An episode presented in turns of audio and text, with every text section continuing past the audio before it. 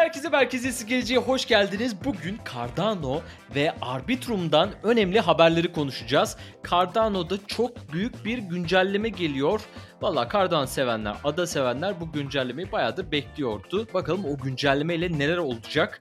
Bunu en basit diliyle anlatacağız. Sonrasında biraz daha teknik olarak da öğrenmek isteyenler bu güncellemeyle birlikte Cardano'ya neler olacak bunu da biz anlamak istiyoruz diyenlere de biraz daha teknik kısımda bölümün ortalarına doğru bundan da bahsedeceğiz. Arbitrum'da da çeşitli gelişmeler var. Furkan'da bunları değerlendireceğiz bu bölümde. Bölümün sonuna kadar izlemek isteyeceksiniz. Bayağı bilgiler var. Basit de var, teknik de var. İstediğiniz her şey var. Haydi başlayalım. Doğancan biz merkeziyetsiz gelecekte hep Ethereum konuşuyoruz. Ethereum'u o kadar seviyoruz ki her hafta her hafta Ethereum. Bu sefer ufak bir farklılık yapalım dedik ve Ethereum rakibi konuşalım istedik. Çünkü çok önemli bir gelişme var Cardano'yu bekleyen. 22 Eylül tarihinde Vasil Hard Fork'u devreye girecek. Hard fork neydi? Daha önceki bölümleri dinlememiş olanlar için hatırlatalım. Blok zincirinde yapılan önemli güncellemelere hard fork deniyor.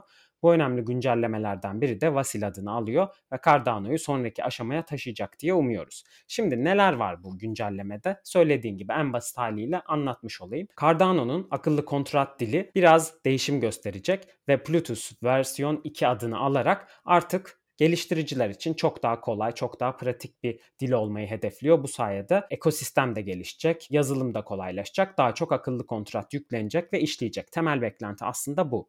İkinci bir avantajı da var bunun aslında geliştiricilere odaklı olmanın yanı sıra aynı zamanda bu gelişmenin ağın hacmini arttırması ve dolaylı olarak da gönderim ücretlerini düşürmesi bekleniyor. Basit olarak durum bu. Hard fork ne demek? Hani Türkçe olarak bahsetmekte gerekirse sert bir çatallanma. Yani burada farklı bir yöne doğru gittiğinden bahsedebiliriz. Burada da akıllı kontratlar noktasında bu güncellemeyle birlikte artık daha verimli bir hale gelecek Cardano. Geliştiriciler açısından bu güncellemeyle birlikte daha kolay işlem yapabilme kapasitesi gelecek ve daha ucuza işlem yapılabilecek. Kesinlikle öyle. En basit şekliyle ancak böyle güzel anlatılabilirdi. Peki biraz daha teknik detaylarına girelim. Biraz daha böyle katmanların arasına girdiğimiz zaman bu güncelleme ne anlama geliyor Furkan? Şöyle ki Doğancan aslında biz her şeyi blok zincire yazdığımız zaman bunun bir bedeli var. Çünkü aslında ağın üzerinde transfer etmiş oluyoruz bu işlemleri ve her biri için bir bedel ödüyoruz, bir ücret ödüyoruz.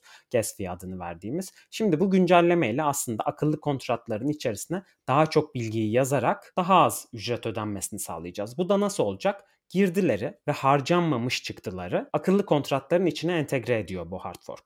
Ve bu sayede ekstra harcamaların önüne geçilmiş oluyor. Bu arada yani daha fazla teknik detay bilmek ve araştırmak isteyenler için bu harcanmamış çıktı dediğimiz şeyler UTXO olarak geçiyor. Ona da bakabilirsiniz. Cardano'yu da Ethereum kurucu ekibinden Charles Hoskinson kuruyor. İsviçre'de Cardano Foundation'ı, Cardano Vakfı'nı kuruyorlar. E, güzel de bir ekibi var. E, Cardano seveni de o yüzden seviyor. Yani ekibi sağlam Ethereum çıkışlılar yapıyor diye.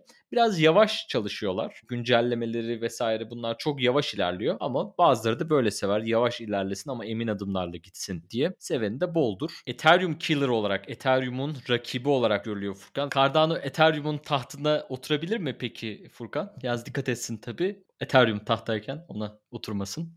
Neden mizah? Ethereum'un yerini kolay kolay almak mümkün değil ama gerçekten şansları dağıtırsak şans en yüksek olan zincirlerden biri. Çünkü ekibi sağlam, güzel güncellemeler yapıyorlar. Her zaman çok yavaş teslim etmekle eleştiriliyor. Çünkü herkes hype peşinde koşarken her hafta bir anons yaparken Cardano işte bir yıl sonra şunu yapacağız, iki yıl sonra şunu yapacağız diye uzun vadeli planlarla geliyor. Bu yüzden sağlam adımlarla ilerlediğine inanan çok geniş bir kitlesi var ve daha ilk akıllı kontrat Cardano'ya geçen yıl falan yüklendi. Ona kadar bile fiyatı gayet yükselen, komünitesi desteği arkasında olan ve büyümeye devam eden bir topluluk ve zincir oldu. Çünkü gerçekten ortaya konan işe inanıyor insanlar. Ethereum'un çözmekle uğraştığı pek çok şeye önceden çözüm getiriyor.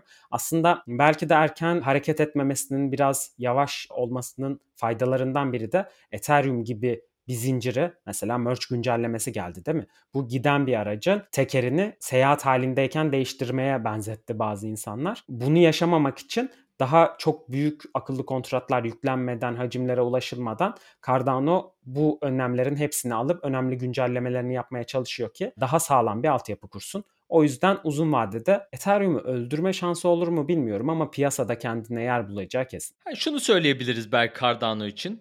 Çok belki geç çalışıyorlar, ağır ağır gidiyorlar ama Proof of Stake ile çalışıyorlar. Bakın Ethereum'da daha merge ile birlikte geçtiğimiz haftalarda çok yeni geldi bu Proof of Stake mevzusu. Herkes böyle Uuu, Proof of Stake gelecek, dünyayı kurtaracak Ethereum derken Cardano'da Proof of Stake yıllardır vardı. Ama tabii ki işte öyle olmuyor. Ethereum varken niye Cardano'ya gidelimin hala net ve sağlam bir cevabı bana veremezsin Furkan. Vermeye de çalışmam Doğancan. Peki Cardano böyle. Gelelim Arbitrum'a. Arbitrum'da OpenSea'ye geliyor. OpenSea de bak ne güzel hepsini bir bir duyuruyor. Helal olsun OpenSea'ye. Arbitrum Ethereum'da çalışan bir katman 2 çözümü. Arbitrum'da biz daha önce de işlemler yaptık. Arbitrum'u severiz, beğeniriz. Aferin Arbitrum. Devam et. OpenSea ile de işbirliğini takip ediyoruz. O Arbitrum OpenSea'ye gelirse NFT'ler için de güzel bir gelişme olur. Neden? Katman 2'ye geçebilirler. Burada OpenSea kocaman bir artık bunlar ne kadar daha büyüyecekler. Helal olsun adamlara. OpenSea daha ne kadar büyüyecek? Bir, onu konuşalım.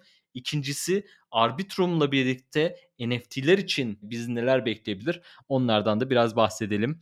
NFT'ler de bu kadar durgunken bundan biraz bahsetmek de iyi olur bence. Tabii ki. Yani öncelikle OpenSea gerçekten en büyük NFT pazar yeri. Pek çok rakibi var. LuxRare şansını biraz zorluyor. Coinbase kendi müşterileri içerisinde yüksek hacim yakalamaya çalışıyor. Ama yine de OpenSea açık ara hala market lideri ve henüz yıkabilen bir rakip çıkmadı. Ki pek çok deneme var bu konuda. Ama farklı farklı zincirleri de entegre ederek aslında multi-chain dediğimiz yani çok zincirli bir NFT dünyası yaratıyor OpenSea. Bu önemli bir adım çünkü insanların farklı zincir tercihleri olabiliyor. Buradaki en büyük tercih sebeplerinden biri daima Ethereum'da gönderim ücretleri çok yüksek olduğu için NFT mintlemekte, transfer etmekte, alıp satmakta yüksek maliyetlere, komisyonlara sebep oluyordu. O yüzden farklı zincirleri listelemeye başlayınca OpenSea en azından düşük ücretli işlem yapmak isteyen insanlar için bunun önünü açmış oldu. Şimdi Arbitrum hem Ethereum'un katman ikisi olduğu için Ethereum'un güvenliğinden faydalanabiliyor hem de çok düşük işlem ücretleri sağlayabiliyor. Bu nedenle çok önemli. Çünkü Arbitrum'a kayan NFT hacmi gerçekten Ethereum'u büyük oranda rahatlatır. Bu çok önemli bir gelişme çünkü NFT'ler özellikle mint günlerinde Ethereum ağını çok meşgul ediyor ve gas fee'lerin çok yüksek noktalara ulaşmasına sebep oluyor.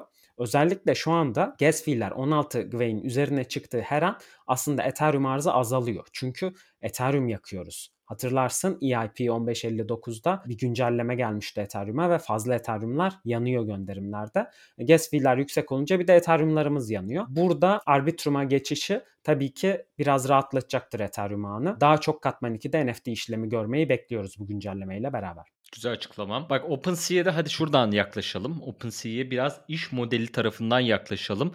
Rakiplerini nasıl bir bir yutuyor onu da konuşalım.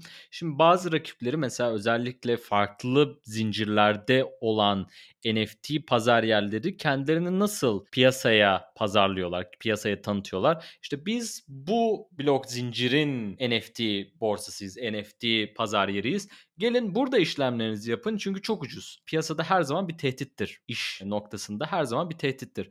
Büyük oyuncu senin pazarına, senin sunduğun hizmetin aynısını sunduğu zaman ve elinde de daha fazla kullanıcısı varken bunu sunduğu zaman sen onunla nasıl rekabet edeceksin? Şu an başka zincirlerde olan ve en büyük önermesi biz bu zincirin NFT pazar yeriyiz diyenlerin bunların cevabı yok. Çünkü OpenSea en fazla kullanıcıya sahip olan, piyasa değeri en yüksek olan ve en büyük pazar hacmine sahip balina olarak bunların hepsini yutmak kabiliyetine sahip. Bu hizmetleri de, bu zincirleri de sundukça insanların diğer zincirlerdeki, diğer pazar yerlerine gitmesi için hiçbir neden kalmayacak. Onların daha inovatif çözümler üretmediği sürece. Evet çok doğru söylüyorsun. Yani benim dikkatimi çeken en inovatif çözüm mesela burada LuxRare'de olan işte Sniper entegrasyonuyla beraber parçaların ne kadar aslında az bulunduğunu bir koleksiyon içerisinde rarity'sine göre yani nadirliğine göre sıralandığı zaman hangi konuma düştüğünü göstermesi. Ama eminim ki OpenSea'de onu yakın zamanda entegre edecektir. E, onu da yaptığı anda farkları ne kalacak? Çoğu ortada olduğu için piyasada çok geniş bir rekabet olduğu için ve OpenSea'nin elinde çok fazla para olduğu için yeni bir özellik çıkarsanız bile anında kopyalayabilme hacmine, ekibine ve fonuna sahip. O yüzden zorlu bir mücadele olacak OpenSea'yi devirmek. Tamam hadi kapatalım Furkan. Ben gidiyorum. Sherlock okuyacağım. Sherlock kitabı aldım. Sir Arthur Conan Doyle. Biraz kitaba düşeceğim. Burada da müsaadenizle kapatmadan önce hemen bir İngilizcemizi nasıl geliştiririz bir ufak dersi verelim hemen. Çünkü bunu da çok konuşuyoruz, görüyoruz faydalı olacağını düşünüyorum. Kitabımız bu. İngilizce olarak aldım. İngiliz bir yazarken Sir Arthur Conan Doyle. Sir olmasından da anlayabileceğiniz gibi.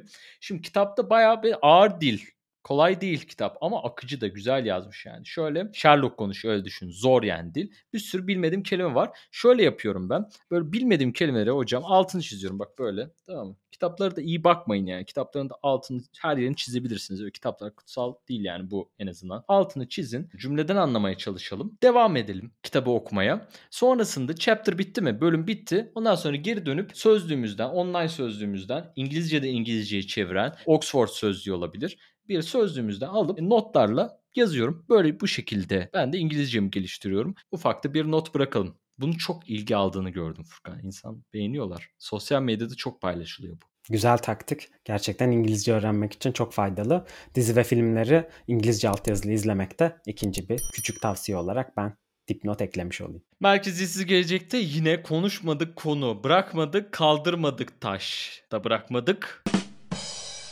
Böyle. Hadi bakalım gidelim. Bir sonraki videoda görüşmek üzere. Cardano'lu günleriniz olsun. Kendinize iyi bakın. Abone olmayı unutmayın ve bildirimlerinizi açın ki güzel güzel haberleri size en kısa sürede ulaştırabilelim. Bizi takip edin. Haftaya görüşmek üzere. Hoşçakalın. Hoşçakalın.